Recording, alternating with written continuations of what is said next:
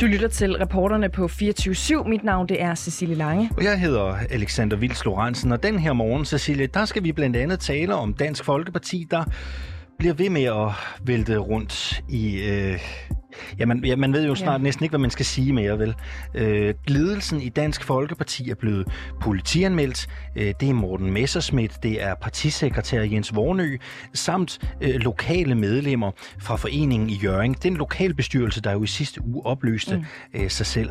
Øh, der er kommet en politianmeldelse, fordi ledelsen, øh, blandt andet ifølge den her anmeldelse, skulle have set gennem fingre med øh, underslæb eller mandatsvig.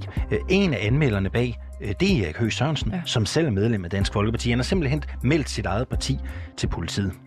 Vi spørger taler, hvorfor. Lige præcis. Vi taler med ham øh, lidt senere, og det er en morgen, hvor vi også her på reporterne kan fortælle, at det bliver dyrere og dyrere at være dansker. Det er langt fra første gang, at vi har haft det fokus her på reporterne på 24-7.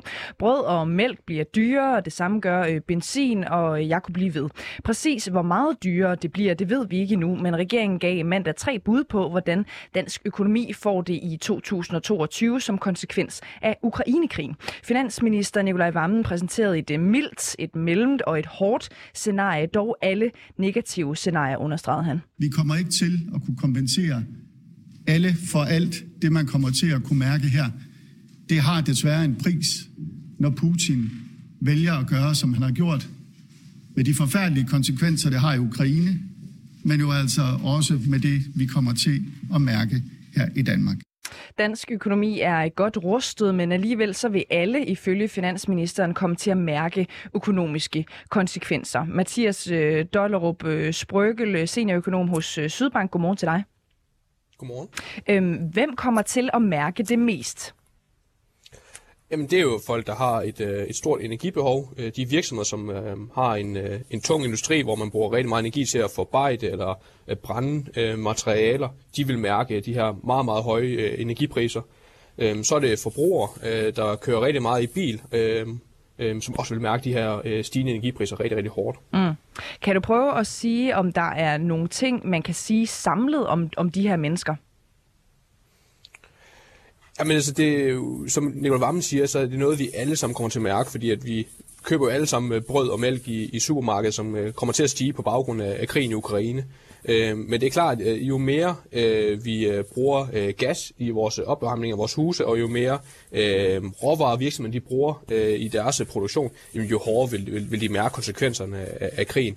Øh, man kan sige, den inflation, vi har lige nu, øh, på knap 5% i dansk økonomi, jamen det betyder jo sådan en, en, en gennemsnitlig husstand, jamen de skal hive 20.000 kroner mere op af husholdningsbudgettet for at købe de varer, som de skulle, de samme varer, som de skulle købe for et år siden. Så det er altså en, en, en mærkbar ekstra regning til både til forbrugere og, og husholdninger, vi, vi oplever lige nu. Hvordan kommer vi til at mærke det her mere konkret? Er det rent at finde på prisstigninger? Kommer vi til at se fyringer? Er der ting, som vil lukke? Eller prøv lige at sætte os øh, ind i det det kommer jo i høj grad til at afhænge af de scenarier, der kommer til at udspille sig i, øh, i, i krigen i Ukraine, fordi at hvis vi kigger ind i sådan en, en, en langvarig invasion, hvor øh, de her råvarepriser de vil forblive meget, meget høje, fordi at, at både Ukraine og Rusland de er udelukket fra, fra råvaremarkederne, øh, landbrugsmarkederne, som, hvor, hvor de har en stor øh, del af, af, af kagen, øh, jamen så kigger vi nok ind i, at dansk økonomi vil opleve øh, en højere ledighed øh, øh, kvæg, at, at blandt andet industrien måske må acceptere, at, at der vil være nogle dage, øh, timer i løbet af, af året, hvor, hvor, hvor man ikke kan, kan producere for fuld kraft, fordi gassen er, er, er rationeret. Øhm, så, så det kommer i høj grad til at afhænge af, af, af udviklingen på, på, på slagmarken, fordi at jo længere tid den her krig den, den var ved, jamen, jo større er sandsynligheden for, at vi kommer i et eller andet scenarie, hvor man også fra europæisk side må, må, må vælge at sige, at nu stopper vi simpelthen med at hente gas fra, fra, fra Rusland, og ultimativt set, jamen, så kan det have konsekvensen, at øh, vi ikke kan producere, øh, at, at industrien ikke kan producere sin varer, fordi den ikke har nok gas.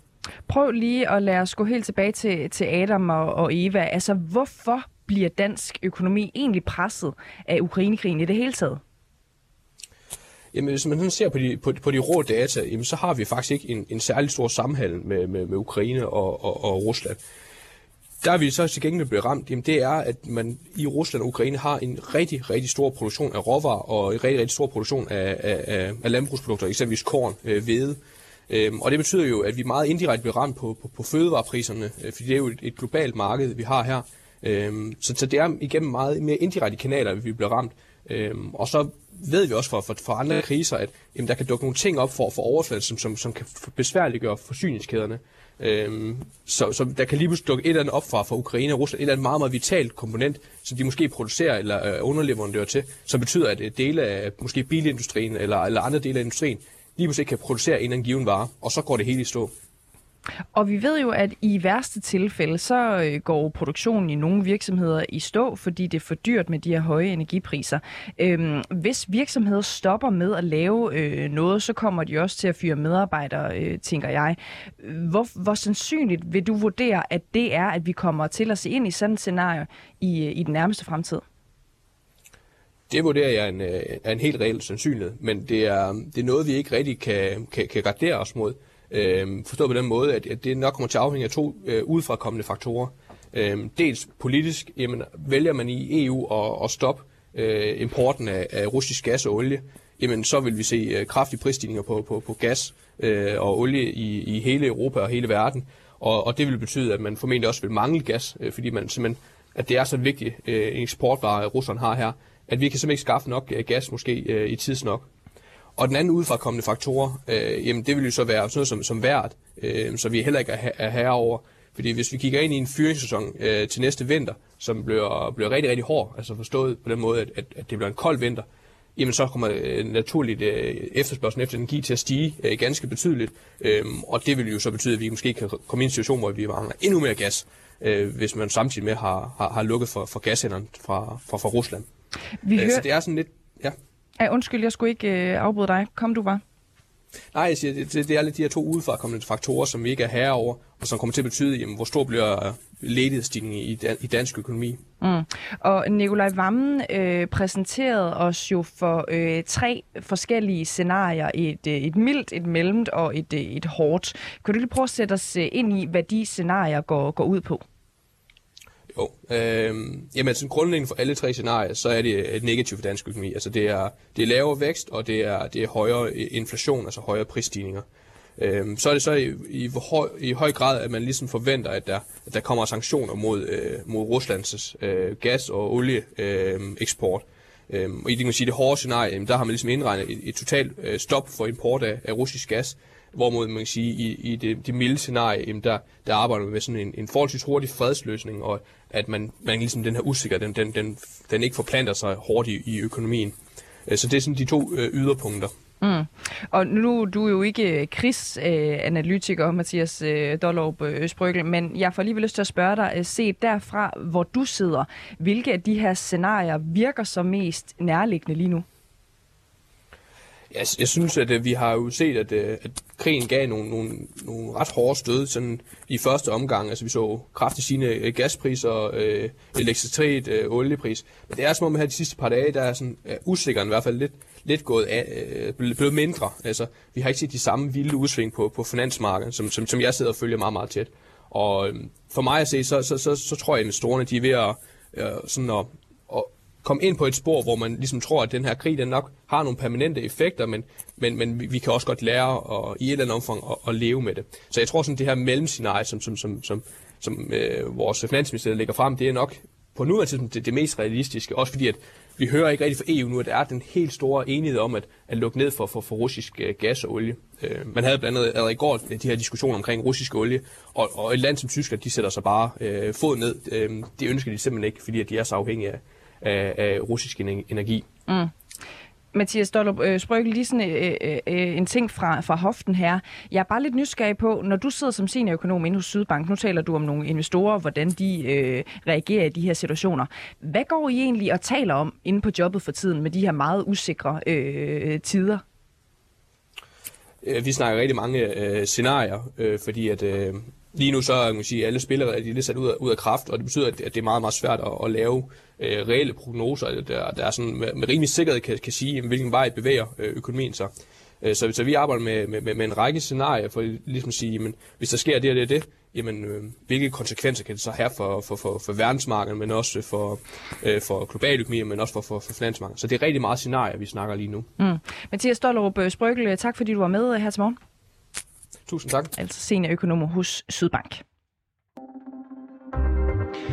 I februar der blev det vedtaget af regeringens støttepartierne Frie Grønne, Alternativet og Kristendemokraterne, at der i nærmeste fremtid skal udbetales 3.750 kroner til ca. 320.000 husstande, som er hårdest ramt af prisstigningerne på energi. Den nærmeste fremtid er så, ifølge Dan Jørgensen, først i august måned.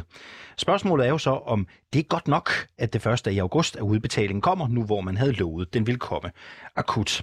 Øh, godmorgen og velkommen til dig, Susanne Simmer. Godmorgen. Du er gruppeforperson for Frie Grønne, og i forbindelse med aftalen, der har du udtalt dig i glade for at give en varmesjek til de mest trængte borgere, og at det kan gå forholdsvis hurtigt. Nu kommer varmesjekken til august. Er det hurtigt nok? Nej, det vil jeg ikke kalde hurtigt. Specielt ikke, når vi står i en situation, hvor der er mennesker, som har virkelig hårdt brug for at få noget hjælp til den høje varmeregning, de har fået. Hvornår synes Frie Grønne så, at de penge skulle udbetales? Men altså, jeg havde nok øh, forestillet mig, at når vi snakker om hurtigt, så er det i løbet af en øh, to, maks tre måneder. Så det kommer meget bag på mig, at, øh, at der er den her tidshorisont. Vil man jeg synes kunne... lidt, jeg synes lidt, vi blev ført bag lyset, når det blev sagt, sagt hurtigt. Og det synes jeg så også, befolkningen gjorde, fordi der er jo mennesker, der går og venter på de ting. Vil man kunne det? Udbetale pengene så hurtigt? Det har jeg simpelthen ikke nogen viden om, men øh, når jeg får at vide, at, øh, at det går hurtigt, og at vi laver et ensartet beløb, så folk ikke skal søge, fordi det vil tage tid, så forventer jeg, at hurtigt, det er hurtigere end et halvt år. Øhm, grund til at spørge, det er jo fordi, at klimaminister Dan Jørgensen, han har jo været ude at sige, at øh, den her udbetaling ikke kan ske så hurtigt som muligt. Øhm, fordi der skal laves nogle IT-systemer og nogle datasammenkørsler, og det er ikke muligt at udbetale før til august og september, siger han. Øh, I og øh, andre har været ude og kritisere, at det går for langsomt. Det er bare for at finde ud af, om du og andre politikere øh, tror, at Dan Jørgensen lyver, når han siger det, han gør. Altså om man ville kunne betale de der penge hurtigere, eller om det i virkeligheden er reelt nok, at de ikke kan komme før til august, fordi systemerne simpelthen er indrettet, som de er. Altså, det har jeg simpelthen ingen øh, baggrund for at vurdere, om, øh, om det kunne gøres hurtigere. Men det jeg i hvert fald kan vurdere, det er, at øh, når vi sidder i de forhandlinger, og vi taler præcist om det her, så burde den Jørgensen have fundet ud af, hvor hurtigt det kunne lade sig gøre. Det tænker jeg, det kunne ikke være raketvidenskab at se. Okay. Kunne I have spurgt, hvor hurtigt han kunne gøre det måske? Det havde været en rigtig god idé. Øh, der, der arbejder vi i et tillidsrum, som, øh, som åbenbart ikke var, var stærkt nok. Så helt klart. Hvorfor så har, I, hvorfor har I ikke spurgt? Det var fordi, det blev sagt sådan øh, troværdigt, og det skulle gå hurtigt, og netop for, at det kunne gå hurtigt, så skulle det være en, et indsattet beløb, der skulle ud, så folk ikke skulle ud og søge. Og det var men, dumt. Men har, jamen, har I i virkeligheden ikke været med til at sige ja til noget, som I ikke rigtig vidste, hvad var? Altså køb katten i sækken. Vi havde tillid, og vi havde for stor tillid. Okay. Så er det et ja til at købe katten i sækken, eller et nej? Det er, det er simpelthen, at vi havde tillid til, at, at hurtigt det var noget andet, end det, det viste sig at være. Det er for at finde ud af, om det sådan er normal praksis, at Frie Grønne siger ja til aftaler, hvor øh, man egentlig ikke rigtig ved, hvad det er, man får. Det, det, det synes jeg faktisk ikke, det er gældende. Og det er også meget usædvanligt at lave sådan nogle aftaler her. Og det var også, det var jo en, øh, en, hurtig, en aftale, der kom hurtigt i stand. Og øh, der, der havde vi så bare for stor tillid til, til ministeren. Okay. Øh, I vil gerne have, at danskerne de får varmesjekken øh, før de her øh, 320.000 øh, husstande. Øh, klimaministeren siger, det kan ikke lade sig gøre, øh, på grund af, at der skal laves nogle datasammenkørsler, der skal oprettes nogle IT-systemer. Øh, stiller Frie Grønne sig tilfredse med det? Eller vil I have, at danskerne får de 3.750 kroner før? Altså nu har vi forhandlingsmøde på, på fredag, og det er selvfølgelig det, vi vil høre til. Er der, findes der overhovedet ikke nogen mulighed for, at vi kan få det her gjort hurtigere? Kan I leve der- med, at danskerne ikke får de penge før til august?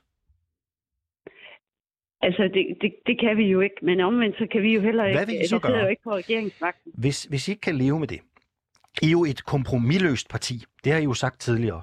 Hvad vil I så gøre for at sikre, at danskerne de får de penge før tid? Altså nu vil jeg sige, at vi er kompromisløse inden for klimaet, øh, men øh, det her det er stadigvæk ikke godt nok, og vi må se, hvad muligheder vi har, når vi mødes på fredag. Hvad tager du med til bordet af krav? Altså jeg tager, jeg tager med, at øh, nu, nu øh, skal jeg høre, he, og det skal være helt klart, at der ikke findes muligheder for at udbetalt hurtigere, end, øh, end det er lovet. Og næst efter, at øh, nu skal vi have det, det beløb for højere, fordi det, i forvejen var det for lille, og sådan som tingene udvikler sig, så er det jo i, i endnu større grad et alt for lille beløb. Men I kan ikke rigtig gøre noget, hvis, hvis det ikke kan udbetales hurtigere, vel? Så, det, så må man ligesom sluge den, ikke? Jamen altså, vi har jo ikke regeringsmagten, og vi har Nej. ikke et, et flertal, så vi vil kæmpe det, vi kan, og mere kan vi jo ikke gøre. Der bruges jo 1 milliard kroner på den her varmesjek til de borgere, som har mest brug for det. Øhm, du mener, og det siger du også for et øjeblik siden, at beløbet er for lille. Ja. Hvad skal det være på?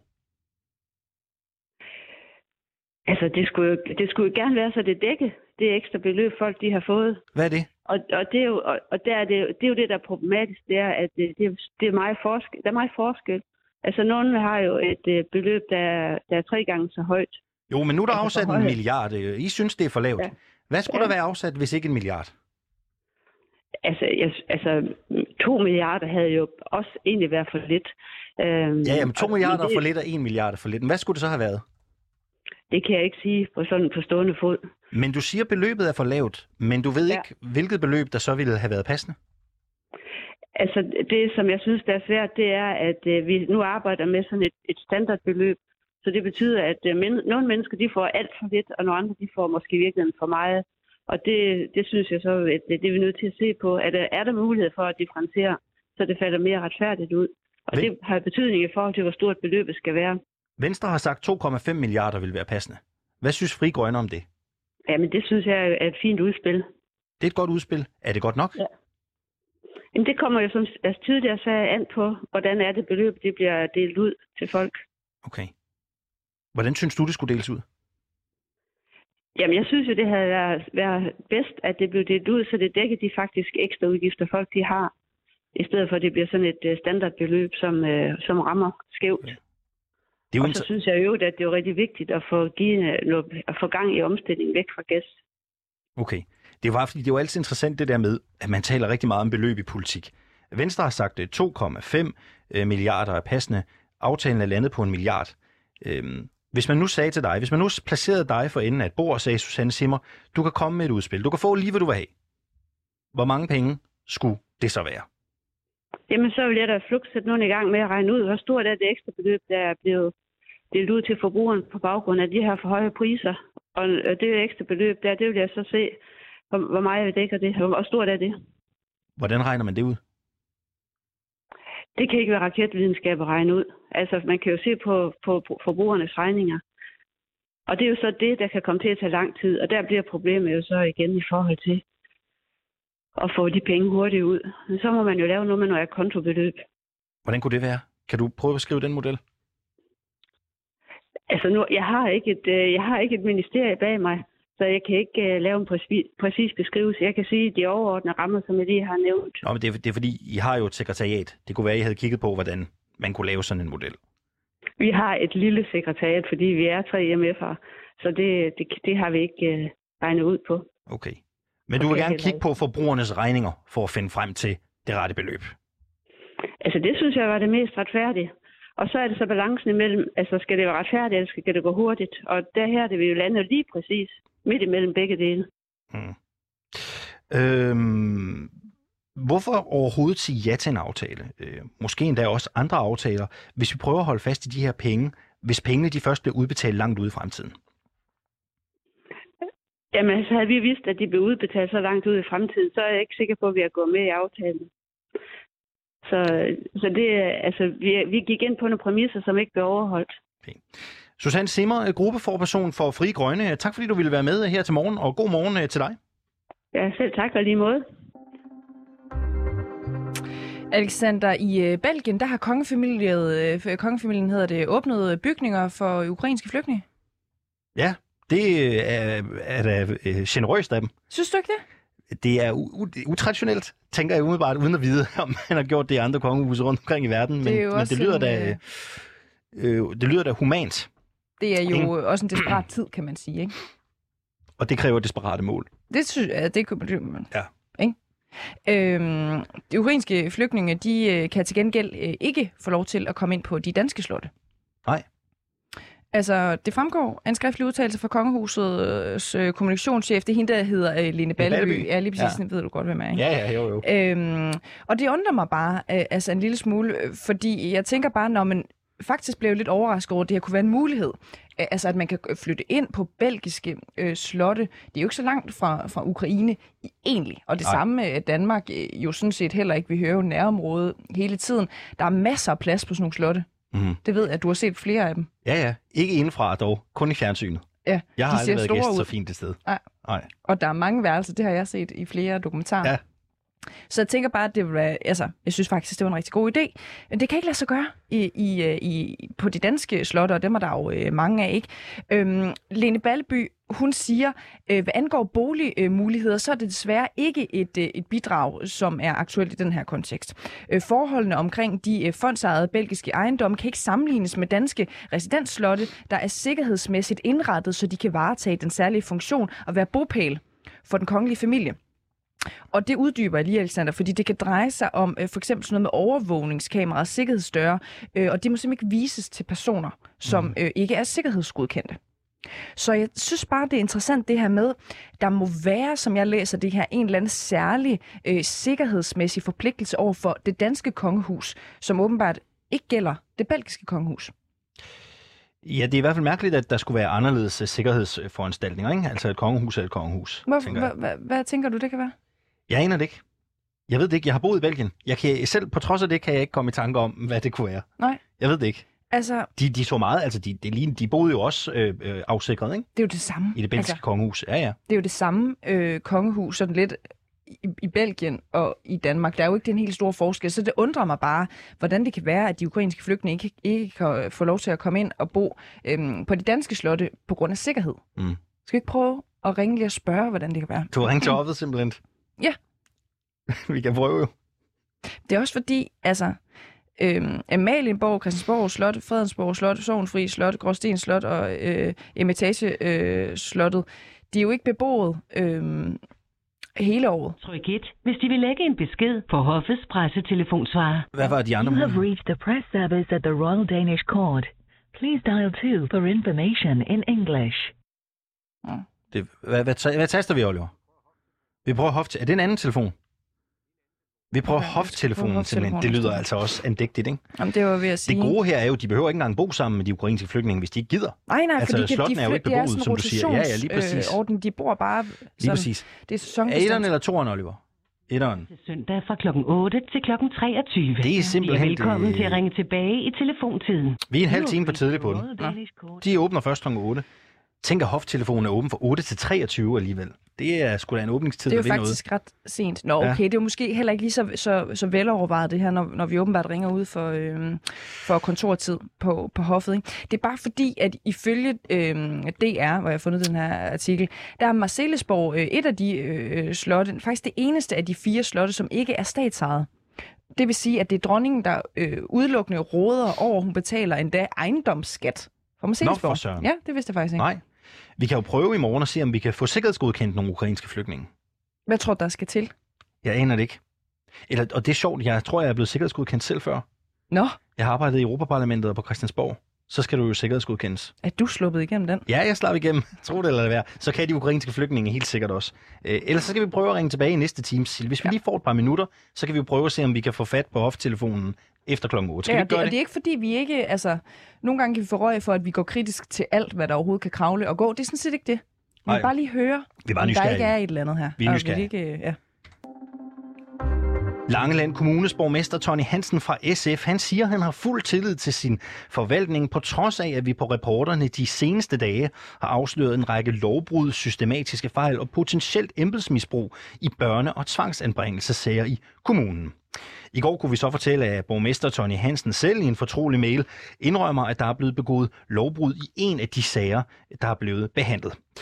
I det interview, vi nu skal høre, der forholder vores reporter Anna Munk Hedorn kritikken for borgmester eh, Tony Hansen eh, fra Langeland Kommune. Først og fremmest, Tony Hansen, så må jeg jo spørge dig, er du bekendt med, at der er sket lovbrud i børnesager i Langeland Kommune? Ikke som sådan. Ja, der har jo været en enkelt sag, hvor jeg øh, har øh, selv underskrevet et brev, hvor, der, øh, hvor, der, hvor det er nævnt, men, men Ja, altså du, du nævner en række lovbrug, som Så du- sige, jeg, blev lidt for, jeg blev lidt forvirret over at skal forholde mig til øh, nogle postulater, jeg ikke har haft mulighed for at sætte mig ind i på forhånd, så, så det kan jeg naturligvis ikke kommentere på. Men Sonny Hansen, jeg har, jo, jeg har jo ringet til dig siden fredag morgen og forsøgt at få fat på dig. Jeg har ringet til dig, jeg har lagt beskeder, jeg har sendt sms'er, jeg har sendt e-mails til dig. Ja, og altså jeg har ikke været hjemme, jeg har ikke haft tid til at stå til rådighed for dig før. Øh, Hvad, hvad har været vigtigere end at forholde sig til den her sag? Jamen, der, der er der mange ting i mit liv, der er vigtigere end lige at tale med 24-7. Jeg gør det så godt, jeg kan, og derfor har jeg stillet mig til rådighed nu her. Øh, og så svarer jeg ud fra øh, de faktuelle ting, jeg kan svare på. Det gør jeg rigtig, rigtig gerne. Godt. Ved Så- du hvad, så synes jeg bare, vi skal gå videre, Tony øh, Hansen, ja. til en mail, som vi er i besiddelse af, som du har skrevet øh, i november 2021 og afsender på.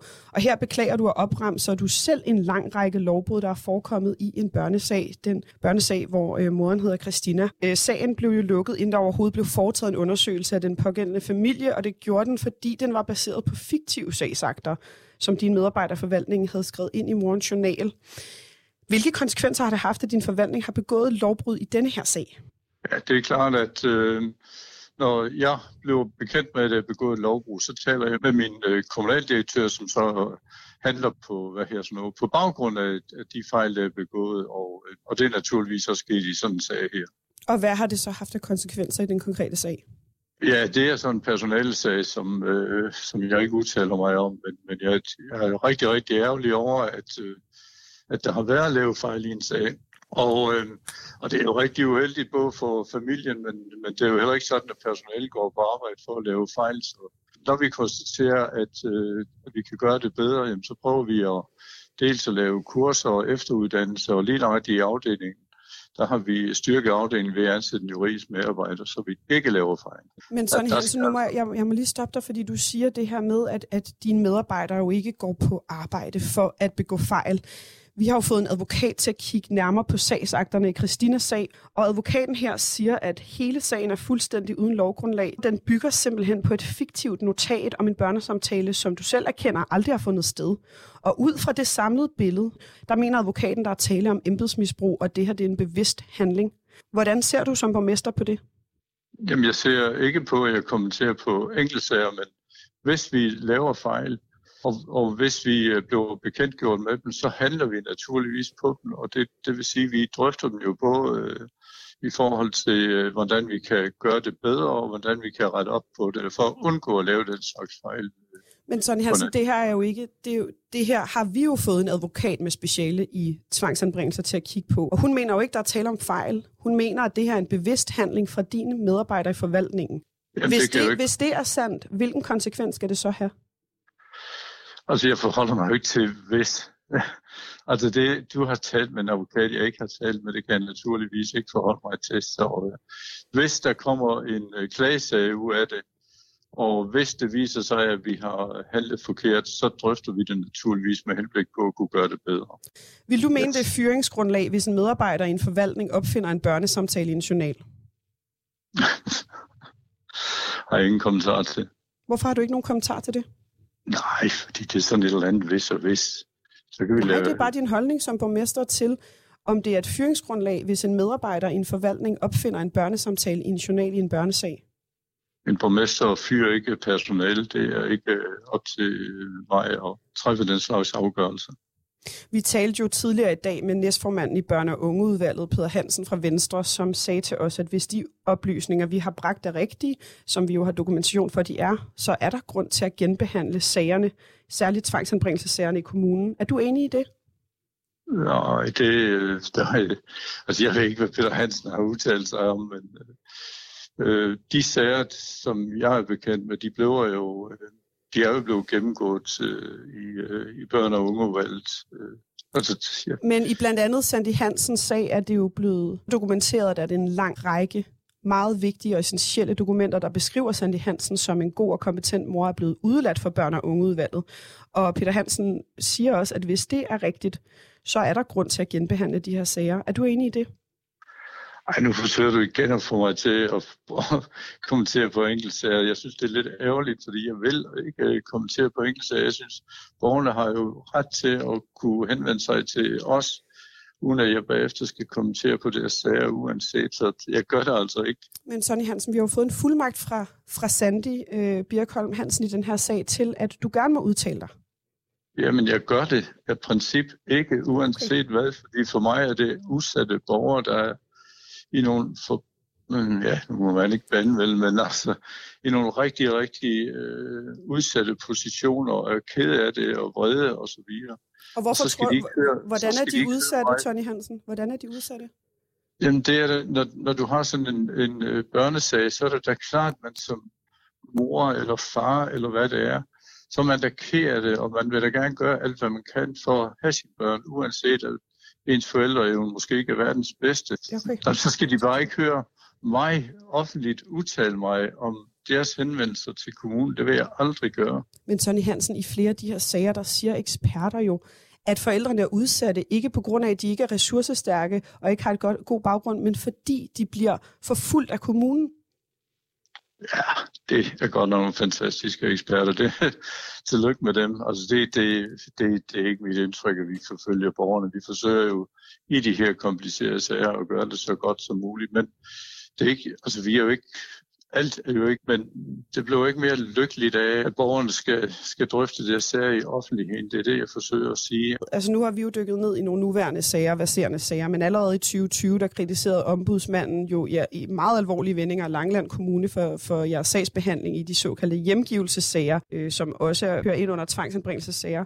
Hvorfor sker det her stadig, ja. Tony Hansen? Ja, ja, når der er sådan en kritik af os, som der var dengang, så er det jo noget, som bliver arbejdet med i forhold til øh, personale og forsøge at, at give dem bedre redskaber til at kunne klare de her svære samtaler. Og, øh, og som sagt har vi styrket afdelingen juridisk, og øh, vi handler jo på det. Det er jo ikke sådan, at vi bare siger, Nå, det var det, nu håber vi, det går bedre næste gang. Tværtimod, så forsøger vi jo at handle på det, men når du så siger at, øh, og dokumenterer, at øh, at borgere, der ikke er tilfredse, så har vi jo ikke gjort det godt nok, så må vi jo arbejde på at gøre det endnu bedre, og det vil vi gøre.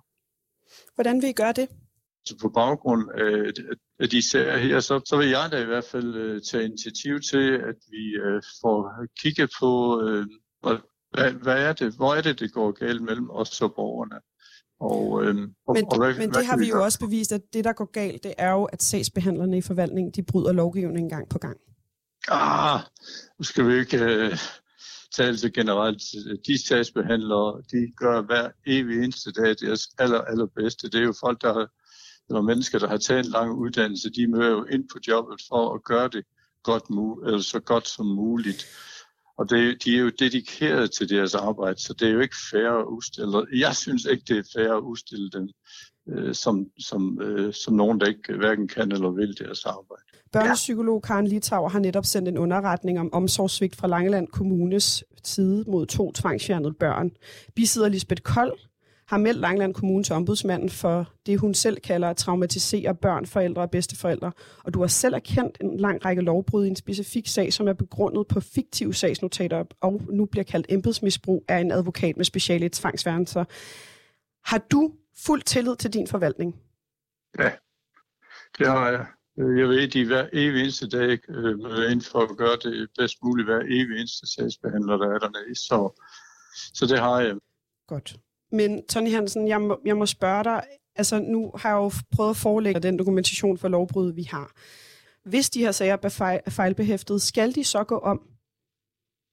Nej, det kommer jeg ikke til, fordi de sager de er afgjort i et, øh, i et øh, udvalg. Kan du personligt garantere, at der ikke er nogen børn i Langelands Kommune, der er blevet uretmæssigt tvangsfjernet fra deres forældre?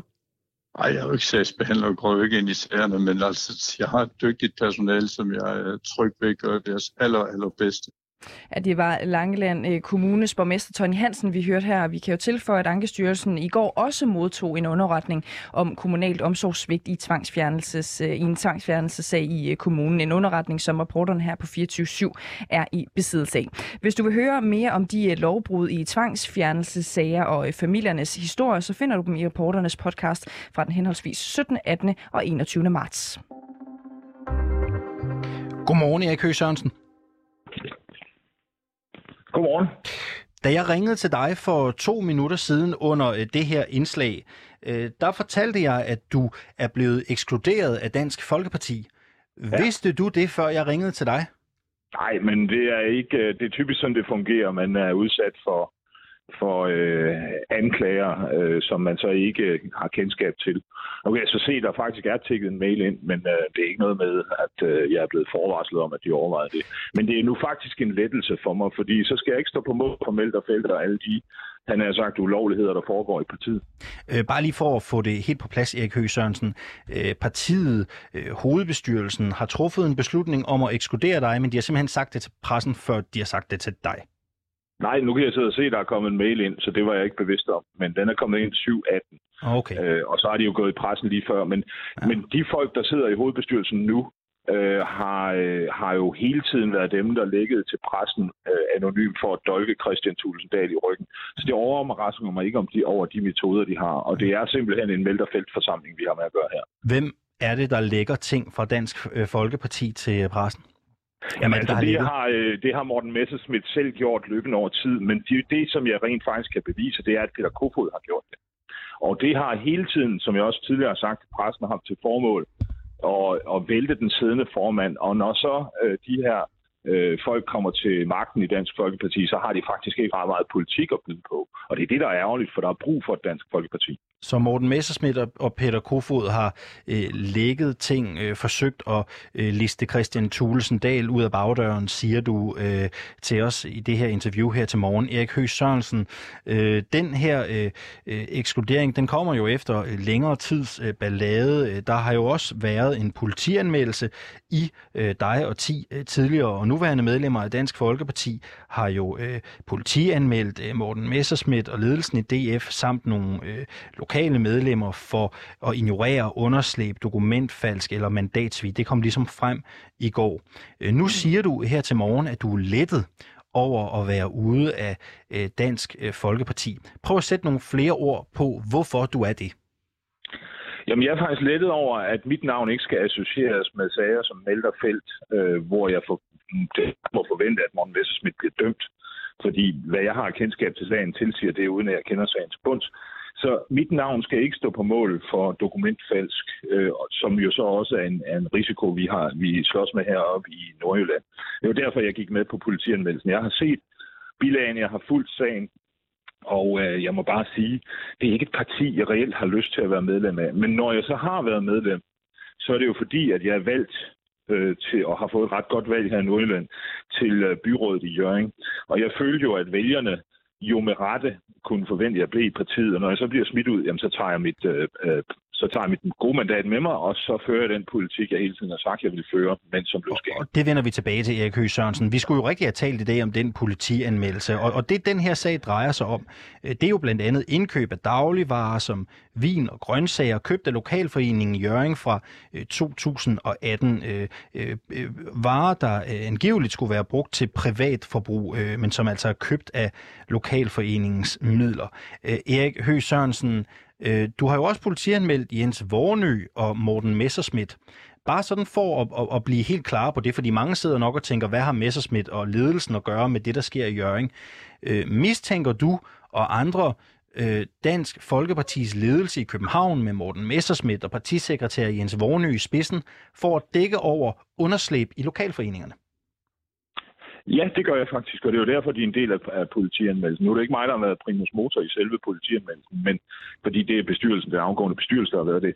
Men øh, det gør jeg faktisk, fordi jeg ved, og jeg har set de dokumenter, hvor øh, flere bestyrelsesformænd har råbt øh, op om hjælp til, til, øh, til hovedbestyrelsen og til, til, øh, til ledelsen, uden at der er blevet skrevet ind. Og det er jo fordi, at for eksempel Vornø er rigtig gode venner med en af dem, som er impliceret i det her. Og så ved man jo godt, hvordan det går, så, så går det jo den vej, som hønsen skraber. Hvad mener du med det? Jamen altså, der, der sker jo ikke noget, og det kan, man jo, det kan man jo se. Den seneste advarsel, som var meget klokkeklar, gik skriftligt ud til Morten Messersmith personligt den 23. februar, og han har bare ikke reageret på det. Og der var det så nogle partimedlemmer og bestyrelsesmedlemmer i sidste uge, sagde, nu gider vi ikke mere. Øh, det her det er ikke en organisation, vi har lyst til at være del i. Så spørger de mig, om jeg vil være med i politianmeldelsen. Jeg tjekker dokumenterne igennem, for jeg har jo ikke været i bestyrelsen.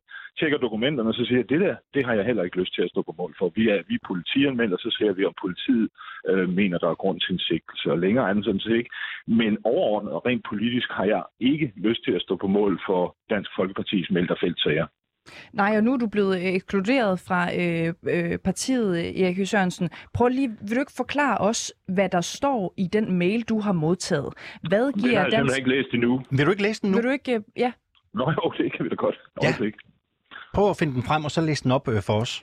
Vi vil jo forsøge lige at give lytterne øh, et indblik i, hvad der ligger til grund for den her eksklusion. Øhm, ej, det er på grund af politianmeldelsen, kan jeg se, øh, mod en række politifælder for ikke at reagere over for bestyrelsen til Værs Jørgens indkøb af blandt andet mad til de lokale bestyrelsesmøder. Øh, og så på påtale for ageren på de sociale medier, og ved du hvad, øh, det er begrundelser, som... Bare læs den op. Øh, bare, Jeg kan bare læse mailen op. Jamen, den er lang. Altså, Nå, okay. det, det, det kommer ikke til, men nu har jeg nævnt det i hovedtræk. Øhm, der har været alt for meget uro i Dansk Folkeparti, står der. Øhm, og offentlige angreb, jamen det har de jo selv stået for. Øh, altså det er et citat. Der har været alt for meget uro i Dansk Folkeparti, skriver Jens Hornø. Jamen det har han jo selv stået bag. Øh, så han kunne sådan set tage og ekskludere sig selv, det stod til mig. Men det korte og lange er bare, for mig er det en enorm lettelse ikke at stå, skulle stå på mål for de her melderfeltsager. Du siger melderfeltsager i flertal. Ja. Øh, Erik Hø, mener du, at Dansk Folkeparti er et parti, der bygger på svindel og humbug? Nej, nej. Der findes rigtig mange gode og anstændige DF'ere ude i det ganske danske land. Men de, det, som er kommet frem med den seneste sag her, er, at der jo simpelthen ikke er nogen videre effektiv kontrol med, hvordan midlerne bruges i lokalforeningerne. Og det vil jo friste de øh, rådne æbler i kassen til at tage for sig af retterne. Og, øh, og den type, for kontrol, øh, den type kontrol, som jeg har efterspurgt, og som jeg har øvrigt ført valgkamp på, da jeg var formandskandidat, den type kontrol øh, findes ikke, og derfor er det et, et, et svagt funderet øh, parti på den måde. Ringer du til Morten Messerschmidt eller Jens Vornø, når det her interview er overstået, og du har læst din eksklusionsmail igennem? Ja, nej, det har jeg ingen behov for. Øh, de har jo underløbet mig for eksempel i forbindelse med en sag, det er detektor for nylig, hvor jeg fik øh, 100% ret i, at øh, det radikale venstre havde forfalsket en række dokumenter i et forsøg på at få ram på mig, og gå død med, om ikke hovedbestyrelsen bakkede det radikale venstre op. Det er et svagt funderet parti, og Morten Messerschmidt har brudt sine løfter om at ville forsone. Øhm, vi skal bruge de sidste stykke tid på at tale om, hvad der skal ske nu. Du fik et kanonvalg i Nordjylland. Ja. Du fik et kanonvalg ind i øh, byrådet i Jørgen. Ja. Øh, hvad gør du med øh, de stemmer og den opbakning, du har fået nu?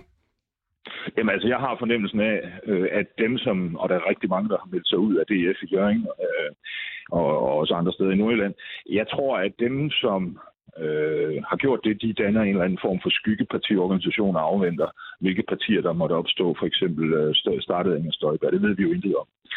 Øh, men rent personligt, så gør jeg jo bare det, at jeg fører den politik, som jeg har sagt til vælgerne, jeg vil føre.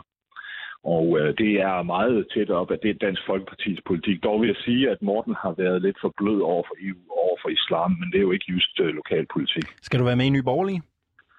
Øh, det tror jeg ikke, og øh, jeg har faktisk talt med en til flere partier, men, men det tror jeg ikke, fordi... Øh, du talt, det er jo, Hvem har du talt med? Jamen, det vil jeg ikke lukke ud, men, øh, men der er en til flere, der har fat i mig, og, øh, og, og det er fair nok. Det er sådan noget, man tager på de indre linjer, og, og, men jeg skal være løsgænger her til at begynde med, fordi de vælgere, der stemt på mig, de har simpelthen fortjent, at jeg gennemfører det mandat, som de har givet mig, og det er jeg meget stolt af. Jeg ved egentlig ikke, om jeg må spørge dig om det her. Øh, men, men, Der er ikke men, nogen spørgsmål, der er forbudt. Nej, nej, det ved jeg faktisk ikke, om der er. Øhm, med det, du har fortalt om ledelsen i Dansk Folkeparti, Ja. øhm, synes du, øh, Morten Messerschmidt og Jens Vornø er nogle svindlere? Uh, jamen det ved jeg jo faktisk ikke, men jeg, jeg, det kan jeg ikke svare direkte på, men jeg kan sige så meget, at med det, jeg har set til Melterfeldt-sagen, øh, så tror jeg, at Morten Messersmith bliver dømt til november. Og Vornø, jamen han står de folk i Jørgen tæt, som, er, som nu er mistænkt og politianmeldt øh, for underslæb. Så det får vi jo at se. Apropos øh, Jørgen øh, Erik Sørensen, nu ved jeg godt, at vi lige har overbragt dig nyheden, at du er ekskluderet fra øh, Dansk øh, Folkeparti. Øh, har du nået på de to minutter, hvor vi ikke lige har været i kontakt, og tale med Jørgen og tale med øh, øh, organisationen om, hvad de mener om, at du nu er ude på baggrund af en øh, politianmeldelsesag? Nej, det har jeg faktisk ikke. Altså, det er blevet kimet ned af medier, men jeg har ikke talt med nogen af dem, som hjalp mig til at, at blive valgt. Så det har jeg ikke, men jeg ved jo, hvad de mener, fordi... Hvad tror du egentlig, de kommer til at sige? Hvad tror du, de kommer til at reagere øh, på det her? Jeg tror faktisk, at de vil komme til at sige håbevis tillykke, Erik, så er du også en af os. For de, havde, de har meldt sig ud øh, i sidste uge allerede selv. I forvent, og det kunne de nemmere gøre, for de havde jo ikke noget folkeligt mandat at forvalte. Erik Sørensen, vi har 20 sekunder tilbage. Vi ringer jo naturligvis både til Morten Messerschmidt og Jens Vornø for at få en øh, kommentar på det, der er sket. Hvad synes du, vi skal spørge dem om? Jeg synes, du skal spørge dem om, hvorfor de ikke holdt deres løfte om at forsone partiet, mens tid var. Der har været masser af tilfælde, og, og, og hvad skal man sige, øh, den svindelsag, som vi taler om her og nu, øh, den kunne sagtens have været undgå, undgået, hvis de havde grebet ind over for det. Erik Høgh Sørensen, nu tidligere medlem af Dansk Folkeparti, løsgænger i øh, byrådet i Jørgen. Tak fordi vi måtte ringe til dig her til morgen. Ja, selv tak. Og held og lykke til dig. Ja, tak skal du have. I lige måde. Hej. Hjælp Danmark og rejs hjem. Smiley. Rigtig dansker bliver du aldrig. Og god kinøjseaften. Sådan afrundede tidligere Stram Kursmedlem Lars øh, Tejlade øh, sin mail til Susan Kronborg, der er MF'er for Radikale Venstre. Det er en mail, som Susan Kronborg nu har meldt til politiet. Vores øh, øh kollega Camilla Michelle Mikkelsen har ringet til Lars øh, Tejlade, manden bag mailen til Susan Kronborg, og dermed også manden, som nu er politianmeldt. Lad os lige prøve at høre, hvordan det lød. Hallo. Hallo, det er Camilla Michelle Mikkelsen. Jeg er journalist inde på 24 Goddag. Ved du hvad, Lars Tejlade? Jeg ringer til dig, fordi jeg er faldet over en mail, du har sendt til Susan Kronborg, som er medlem af Folketinget fra Radikale oh, ja. Venstre. Ja. Og jeg vil høre, om du ikke lige har tid til at, at tale med mig om den? Jo, det har jeg da. Ej, hvor dejligt. Jeg hopper ind i et studie. Jamen, det er helt i orden. Lad mig bare lige læse den højt for dig. Ja. Du betaler Danmark tilbage ved at blive karrierepolitiker og påtage dig et politisk korrekt indvandrerforelsket meningssæt. Du ludrer ja. dig for indvandring, og du burde derfor rejse hjem til din rigtige kinøjserfamilie med lige så skæve øjne og lige så hjernedødt tankesat som dig. Hjælp Danmark og rejse hjem, smiley. Rigtig dansker bliver du aldrig. God kinøjseraften, hjerte. Ja. Lars Tejlade, den her besked, den sender du til Susan Kronborg, som er medlem af Folketinget for Radikale Venstre. Hvad tænkte du, da du sendte beskeden? Jeg bliver simpelthen træt øh, af øh, karriere Danmark. Jeg bliver træt af medie Danmark. Jeg bliver træt af politikere Danmark, som skælder ud på folk, som ikke kan lide øh, muslimsk indvandring. Jeg synes, det er enormt arrogant, og jeg synes det virkelig det er udtryk for en mangel på ydmyghed over for de mennesker, som virkelig bare har et lorteliv nede i bunden af samfundet, og som bare ikke har det specielt sjovt med muslimsk indvandrere. Jeg synes virkelig, hun mangler ydmyghed som politiker, fordi hun skælder ud på folk, i stedet for at tage de folk, som ikke synes, at muslimsk indvandring er sjovt, alvorligt. Du skriver til hende, hun har et hjernedødt tankesæt. Hvad det mener du med det? Jeg synes, at det er hjernedødt at lukke ned for folk, som lever ude i, undskyld mig, voksen Danmark. Du skriver jo også til hende, at hun bør rejse hjem. Hvor synes du, at Susanne Kronborg skal rejse hen? Jeg ved det ikke, men altså, den der idé om, at, at, at man får ødelagt sit liv, alverdens øh, 8 milliarder, snart 8 milliarder mennesker får ødelagt deres liv, hvis de ikke de kan blive danskere, altså skal, er det ikke på tide at gøre op med den? Altså hun kommer fra Sydøstasien, og, og, og meget bekendt er Sydkorea slet ikke noget dårligt land. Øh, men hvis en seneste intention er at, at øh, lave om på det Danmark og kritisere os og indikere, at vi er sådan små racister, det synes jeg godt, jeg kan tillade mig at sige, på baggrund af, at vi er bange for muslimsk indvandring, så synes jeg da, at, at, at så tror jeg da også for hendes eget medkommende, at hun kan få et meget bedre liv i det Sydkorea, som hun jo oprindeligt stammer fra. Jo, men vi ved jo ikke, om hendes eneste intention er det, du påstår her. Nej, hendes intention er vel at gøre karriere på at påtage sig et, et, et ved, uh, politisk korrekt uh, meningssæt, som, som er sådan indvandrerforelsket, ligesom du vil, ligesom uh, utrolig mange journalister har jeg gået ud fra, at du også selv har sådan et meningssæt. Er det ikke lidt skørt, at du bare går ud fra, at folk de har et bestemt meningssæt, uden at du spørger dem ad?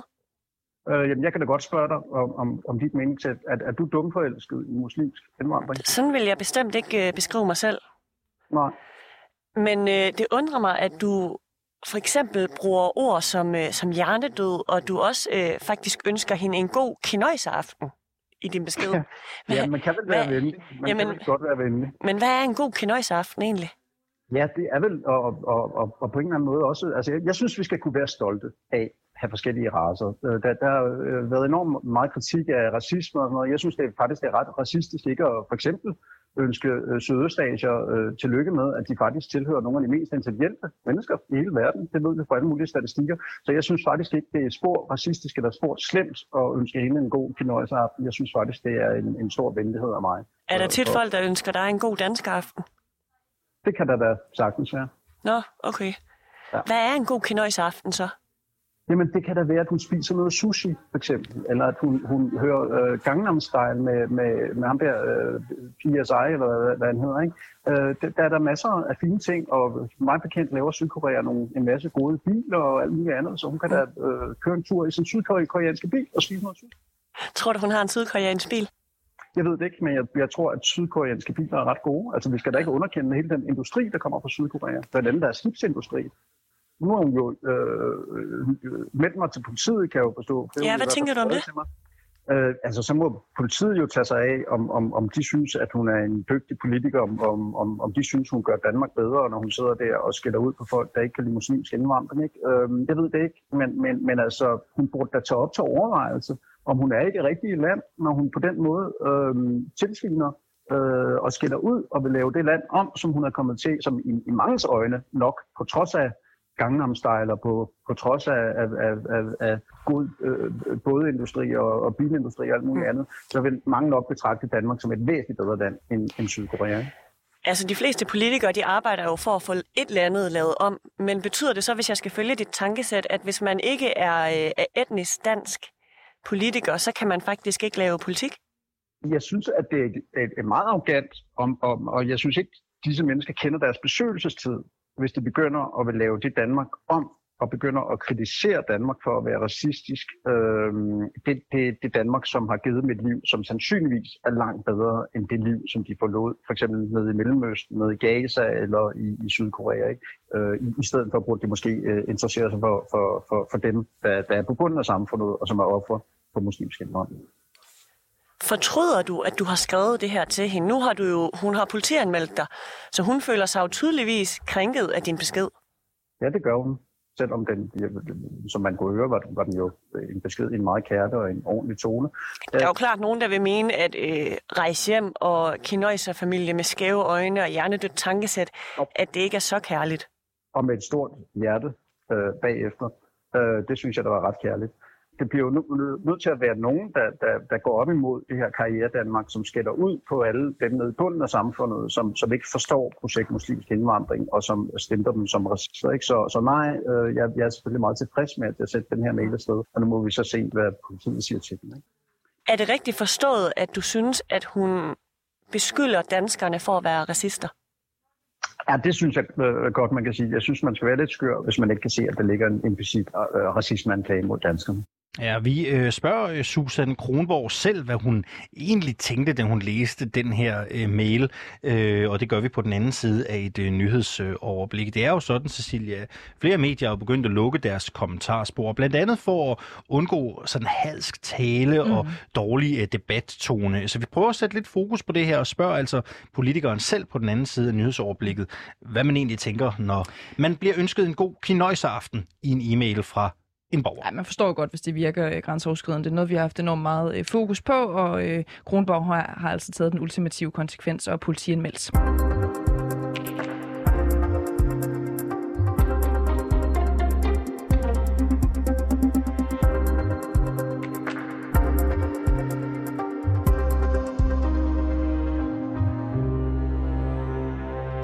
Du lytter fortsat til reporterne på 24-7. Din værter er Alexander Vils Lorentzen og mig selv. Jeg hedder Cecilie Lange. Og vi har jo netop hørt vores kollega Camilla Michelle Mikkelsen tale med Lars Tejlade om den mail, han har sendt til det radikale folketingsmedlem Susan Kronborg. Og lad os da bare lige læse hele mailen op her. Den har emnefeltet god tur hjem. Ja, det står der faktisk. God tur hjem, mm. og så en smiley. Øh, og den lyder sådan her. Du betaler Danmark tilbage ved at blive karrierepolitiker og påtage dig et politisk korrekt indvandrerforelsket meningssæt. Du ludrer dig for indvandring, og du burde derfor rejse hjem til din rigtige kinøjserfamilie med lige så skæve øjne og lige så hjernedødt tankesæt som dig. Hjælp Danmark og rejse hjem. Rigtig dansker bliver du aldrig. God kinøjseraften, og så en hjerte-emoji. Susanne Kronborg, folketingsmedlem undskyld, for Radikale Venstre. Godmorgen til dig. Nå, det lyder som om, vi måske ikke har Susan Kronborg på øh, Det burde nu. vi have, tror jeg. Vil du ikke lige prøve at åbne for telefon 2, Alexander? Det gør jeg nu. Susan Kronborg, kan du høre mig? Der er måske et eller andet, der, der ikke virker andet, med telefonforbindelserne her øh, til morgen. Øh, Oliver Bernsen, du siger, hun er på på øh, telefon 1. Susan Kronborg, godmorgen. Ja, godmorgen. Nå, så var så der var hul der hul igennem. igennem. Altså folketingsmedlem for Radikale øh, Venstre. Øh, Susan Kronborg, jeg har lige læst øh, den mail op, som du har øh, modtaget fra Lars øh, Tejlade, som du altså har valgt at politianmelde øh, for den her mail. Prøv lige at sætte nogle ord på. Hvad tænkte du, da du fik den her mail fra Lars øh, Tejlade? Øh, jamen, øh, jeg ser jo, når jeg læser mailen, så ser jeg jo, ser jeg jo ind i en... Øh, i hjernen på et øh, kældermenneske. Det er det, jeg tænker. Og jeg tænker, hold da lige op. Tænk, at man kan være så øh, øh, uværdig en person. Øh, og jeg tænker, at øh, det er en person, som fuldstændig har tabt, sin, øh, tabt sig selv. Mm. Øh, men jeg tænker også samtidig, at øh, det her, det er jo super, super vigtigt. Øh, ikke kun for mig, øh, men det er så vigtigt i forhold til, øh, at der er rigtig mange andre, både folketingspolitikere, men også øh, byrådspolitikere og andre, som øh, er offentlige personer og meningsdannere, øh, journalister osv., som øh, modtager den slags øh, affalds øh, ytringer, kan man sige. Mm. Og det er jo, Øh, der er jo tale om, øh, vigtigt. ja, der er jo tale om øh, Lars Tejlade, altså tidligere stram kurs øh, medlem. Du, du kalder ham også øh, ja, eller ke- et kældermenneske. Det er sådan lige det første, du tænker, da du modtager den her meget øh, grove øh, Ja. øh, mail. Prøv lige at sætte nogle ord på. Hvad mener du med det? Øh, jamen, øh, det er sådan meget, øh, en, det er jo sådan et, et, et øh, synes jeg, et godt øh, begreb. Øh, altså, man kan også øh, tale om incels, øh, som jo øh, også er en, øh, et, et nyt begreb, som vi efterhånden har øh, øh, opdaget. Nemlig, at der er øh, mennesker, som, øh, øh som eller øh, unge mænd, og nu øh, Thailand, han er jo så lidt en boomer i den her forbindelse, øh, men øh, altså som øh, hader kvinder, øh, og øh, det her med, at kvinder øh, stiller sig frem og har en holdning øh, øh, og blander sig i øh, øh, den politiske debat, altså det, det er jo sådan noget, som øh, helt sikkert trigger øh, en incel-type som øh, Thailand. Hvad, Øh, øh, hvad baserer ja. du egentlig det på, du kalder Tejlade her en, en incel? Til dem, der ikke ved det, så betyder det jo en, en ufrivillig øh, øh, i, i celibat øh, person, som typisk hader kvinder. Det er også sådan et, et internetfænomen i virkeligheden. Ikke? Øhm, hva, hva, hvorfor kalder du ham det? Øh, ja, altså nu kender jeg ham jo ikke, så det, du spurgte til, hvad jeg tænkte om ham, og det, det var lige nøjagtigt det, jeg Mm. tænkte. Fordi Du at tænker, det er han hader kvinder? problem. Ja, det er et stigende problem øh, med øh, de her typer, som øh, skriver øh, virkelig øh, hadefulde beskeder, øh, specielt til øh, mine øh, politiske kolleger, øh, som er kvinder. Øh, og øh, det, som jeg synes er vigtigt, øh, og som jeg gerne vil fokusere på, øh, det er, at jeg vil gerne være et eksempel og hjælpe, øh, og så stå frem og sige, øh, I er ikke de eneste. I er ikke de eneste, der modtager de her frygtelige øh, øh, mails eller breve.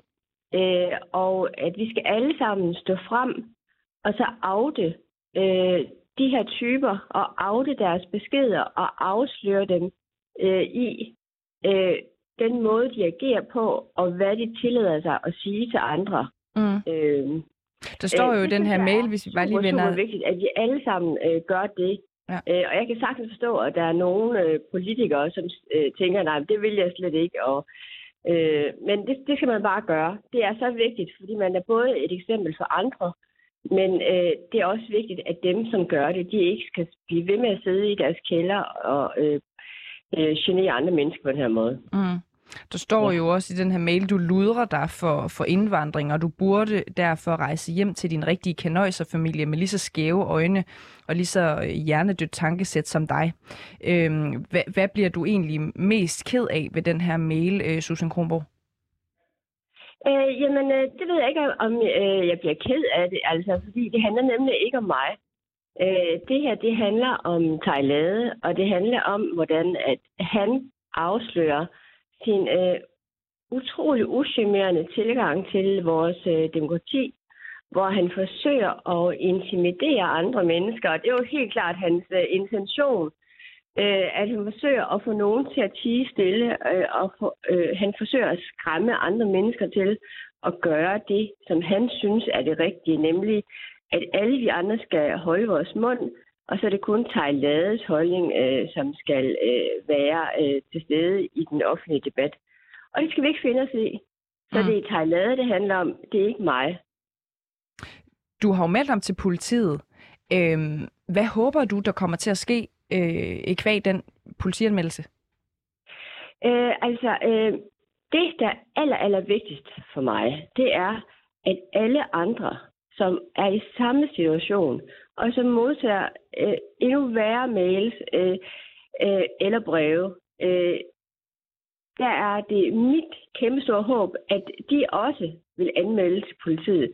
Det er det, jeg håber. Øh, og så er jeg selvfølgelig også træt af, at øh, Thailand, han på den måde skal øh, øh, genere et politi, som jo i forvejen har øh, øh forholdsvis øh, få ressourcer. Øh, så på den vis, altså, øh, så er det bare så vigtigt for mig at øh, stå solidarisk med andre. Øh, og der er jo rigtig mange kvinder, der oplever det her. At være solidarisk med dem og sige, I skal også anmelde det. I skal også stå frem. I skal også øh, vise de her beskeder på Facebook og Twitter og Instagram, fordi øh, kældermennesker som Thailand skal ikke sidde og øh, kyse os mm. hver især. Mm. Jeg er bare nysgerrig, øh, Susan Kronborg. Hvordan kan det egentlig være, at, øh, at du tolker det her, øh, som kommer fra Thailand, som, som kvindehed? Fordi øh, det, som jeg stusser over ved den her mail, det er jo også, at han kalder dig ud på din øh, etnicitet. Det er i hvert fald det, han forsøger, ikke, når han kalder dig øh, kinøjs, og også et meget øh, nedsættende racistisk øh, begreb. Hvordan kan det være, at, at du tolker det som kvindehed øh, nærmere en racisme? Jamen, det er jo heller ikke øh, specielt øh, øh, altså vigtigt, øh, om det lige er det ene eller andet, han har skrevet. Altså, det, det er slet, slet ikke spor vigtigt. Altså, det der hele essensen i det, det er jo, at han forsøger at få folk til at øh, holde deres kæft. Øh, og øh, det kan også sagtens være, at han også skriver til mandlige politikere, og det håber jeg virkelig også, at de stiller sig frem og viser, hvilke mails han har sendt til dem.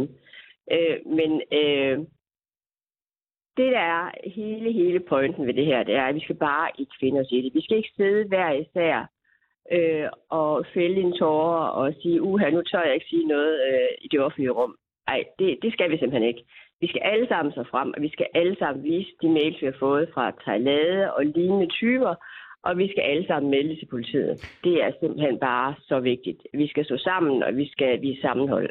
Talade skriver nogle, øh, han skriver nogle, nogle grimme ting til dig. Øh, øh, vi har været inde på dem. Øh, du kalder ham en incel og et kældermenneske.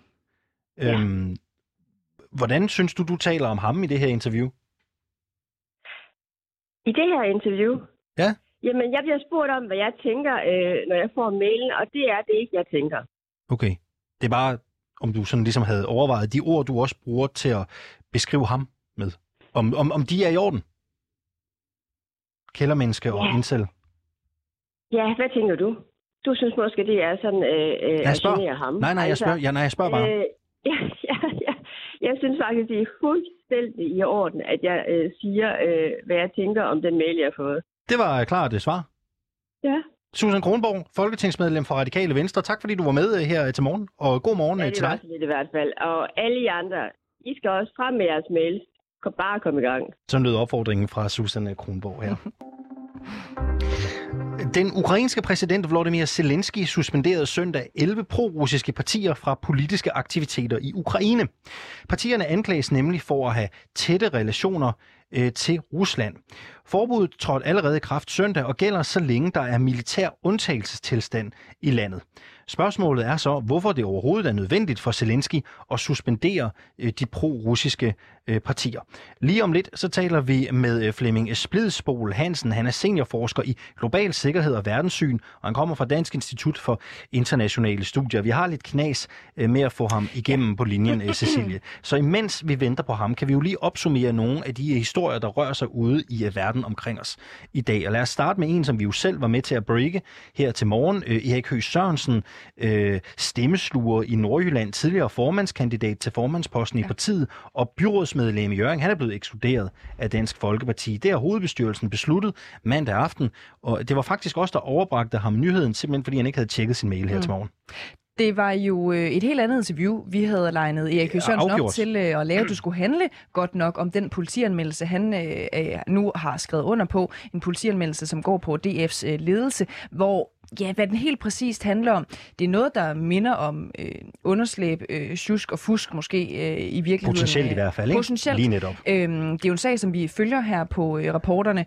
Øhm, vi kunne så pludselig fortælle, ja, også Erik Sørensen, som ikke selv vidste, at nu var han altså ekskluderet ja. fra, fra Dansk Folkeparti. Og det han jo siger øh, til os, det er, jeg er lettet over, at jeg ikke længere skal være en del af Dansk Folkepartis meldt og feltsager, siger han. Selvfølgelig også øh, med øh, henvisning til den her øh, sag. Øh, DF's partisekretær, han hedder Jens Vornø.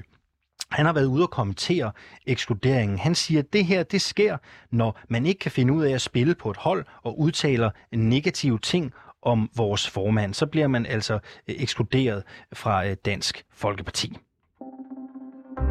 Og nu skal vi til historien om, at den ukrainske præsident Volodymyr Zelensky øh, har suspenderet 11 pro-russiske partier fra politiske aktiviteter i Ukraine. Partierne anklages nemlig for at have tætte relationer til Rusland. Forbuddet her det trådte i kraft allerede søndag og gælder så længe der er militær undtagelsestilstand i landet. Godmorgen, Flemming Splidsbol Hansen.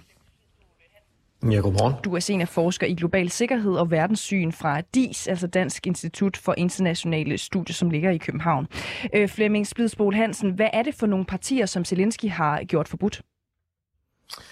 Ja, det er jo partier, som øh, mistænkes for, eller påstås at have forbindelser til Rusland på forskellige vis. Og det, kan, det er nogle, nogle ret forskellige partier. Det er venstrefløjspartier, med, øh, med nogle forbindelser, enten direkte sådan partiforbindelser, eller en forbindelse til Rusland, måske i deres partiprogram, og det kan også være, at der er nogle af dem, som bliver vurderet at have øh, et partiprogram, som, øh, som ligesom går russernes ærne i forhold til, øh, til den igangværende konflikt. Så, så det er sådan lidt en, en, øh, en blandet gruppe af partier, og det er lidt forskelligt også, hvad de egentlig står for. Mm. Når der er tale om pro-russiske øh, partier, hvad betyder det så egentlig? at Du nævner, at de er meget forskellige også, de her partier. Ja, det kan jo være, at nogle af dem har direkte forbindelse. Jeg vil formode, at de ukrainske øh, myndigheder, vi skal huske på, det her det er jo præsidenten, der har gjort det, men det er jo samråd med Sikkerhedsrådet, så, så det er jo løftet op på det niveau. Det kan være, at der er nogle af partierne, som har direkte forbindelse til Moskva. Måske får de øh, midler fra Moskva, altså økonomisk støtte, måske får de endda politisk støtte, måske endda instrukser fra Moskva, Moskva eller noget. Det kunne man forestille sig. Men nogle af dem, at der er en meget tæt forbindelse. Og så er der nogle af dem, som som øh, for eksempel i deres partiprogram øh, vil advokere for, at, øh, at russisk sprog skal være et officielt sprog i Ukraine for eksempel, eller har nogle særlige syn på, hvorledes man håndterer øh, det østlige Ukraine, og hvilken status man skal give nogle af de regioner derover. Nogle af dem taler om, at Ukraine skal være en neutral stat osv., så der kan være nogle forskellige elementer, som man synes er uforenelige med den øh, konflikt, som den krig, som Ukraine står i lige nu, og den undtagelsestilstand, som er. Og du siger, at det handler øh, blandt andet om værdier, som er uforenelige med, med de ukrainske. Øh, hvad ved vi om, hvilke årsager der er til, at man forbyder de her øh, partier? Der er jo ikke kommet særlig meget ud. Øh, grundlæggende jo, at de er pro-russiske, og de mistænkes nogle af dem for at have forbindelse til, øh, til Rusland. Øh, og ellers så kan der jo være mange forskellige årsager til det. Det, der selvfølgelig kan nage hos nogen, det er, om, om Zelensky benytter lejligheden til måske at skille sig af med nogle øh, politiske modstandere, altså ved at forbyde de her partier. øh, på et tidspunkt, hvor, hvor få stiller spørgsmålstegn ved det. Men, øh, men det er klart også, at Ukraine er en, i, en, i en meget vanskelig situation lige nu, øh, jo under russisk invasion, øh, og, og der har man så valgt at, øh, at øh, identificere en række partier, som man synes har de her på forskellige vis sådan tætte forbindelser til Rusland. Se derfra, hvor, hvor du sidder, Flemming Splidsbol, øhm, kan man tale øh, om med dit kendskab, at der er nogle af de her øh, pro-russiske partier, som er øh, problematiske? Det er, jo, det er jo vanskeligt for mig at sige. Der er jo der er nogle af dem, der kan være det alene i deres partiprogram, men det, er jo, det kommer jo an på, hvordan man, man ligesom fortolker det, og hvordan ukrainerne skønner, at deres egen stat er. Altså, der er jo også andre lande, som kan have forbud mod for eksempel åben separatisme i partiprogram eller noget. Ikke? Så, så hvis der er en øh, elementer af den slags, for eksempel noget, som minder om separatisme for det østlige Ukraine, eller en særlig status for dem, som ville være at sammenligne med separatisme måske, så, så kunne det være problematisk. Og så vil jeg formode, at der er øh, det har jo været fremme tidligere, øh, forbindelser mellem nogle af de her partier og så folk i Rusland. Mm. Altså simpelthen på det øh, sådan partiorganisatoriske plan på forskellige vis øh, forbindelser. og, øh, og det kan også være det forbindelser, som er blevet forstærket her under krigen, altså muligvis. Øh, kommunikation fra Rusland til nogle af de her partiledere og partifolk om, at de skal være aktive på sociale medier, eller på anden vis måske gå ud og, og, øh, og levere nogle særlige budskaber. Men det, det er gissninger fra min side, fordi der ikke kommet noget frem om det. Og det man jo i hvert fald gør her, det er jo at skære øh, 11 pro-russiske partier over en kamp, kunne man jo godt øh, måske være tilbøjelig til øh, at sige. Det er jo også sådan, at Zelensky øh, i Vesten måske ses som lidt af en frontperson i, i de her tider. Øh, synes du, det her det viser en anden side af ham? Det er jo i hvert fald en problematisk, øh, et problematisk træk, det er der ingen tvivl om, men der skal vi huske på, Ukraine er jo ikke et velkonsolideret demokrati. Det er jo stadigvæk et demokrati, som er i udvikling og som er på vej, forhåbentlig i retning af, af noget, noget fastere, noget mere veletableret, sådan som vi kender det fra, fra vores øh, verden. Øh, men men øh, det er klart, det er, det er et problematisk træk. Det er også et træk, som kommer i under meget, meget vanskelige vilkår, øh, hvor der jo er en krig. Men, øh, men selvfølgelig er det et, et problematisk træk, og det er også et træk, som fortjener at blive undersøgt øh, og diskuteret. Det gør det så også nu, og på et tidspunkt, hvor der måske kommer mere ro, øh, så vil der være anledning til at øh, genbesøge den her beslutning og se, hvor rimelig den faktisk har været. Mm, ja, nu sidder vi jo i hvert fald og, og, og diskuterer det her i vores privilegerede øh, radiostudie øh, trygt i, i København. Men er det din fornemmelse, at det her er noget, der tales om, diskuteres, ja, for eksempel i Ukraine? Ja, det gør det. Nu har de jo mange andre ting på dagsordenen øh, lige nu, og, og der er jo en, en strømning, som, øh, som går meget imod det russiske lige nu, det er der ingen tvivl om. Og øh, der er også nogle af de her partier, der har været ude og forsvare sig efterfølgende og sige, at de er også meget imod invasionen, de er imod krigen, og de er imod mod hele den udvikling, der har været. Så, så det fylder naturligvis, men, øh, men der er andre spørgsmål, som, øh, som nok øh, fylder mere i folks opmærksomhed netop nu, og det er jo blandt andet krigen selvfølgelig. Mm. Du nævnte tidligere, at det her øh, burde undersøges på en eller anden måde. Hvad mener du med det, Flemming Spidsbol? Ja, der mener jeg, at på et tidspunkt, når der kommer mere ro på, så vil det være oplagt at øh, gå tilbage og se på de her beslutninger og se, hvilke grundlag er det egentlig, hvad, hvad, hvorledes har de truffet den her beslutning, hvad er det, de forskellige partier indeholder, som man i Sikkerhedsrådet synes er meget problematisk på nuværende tidspunkt.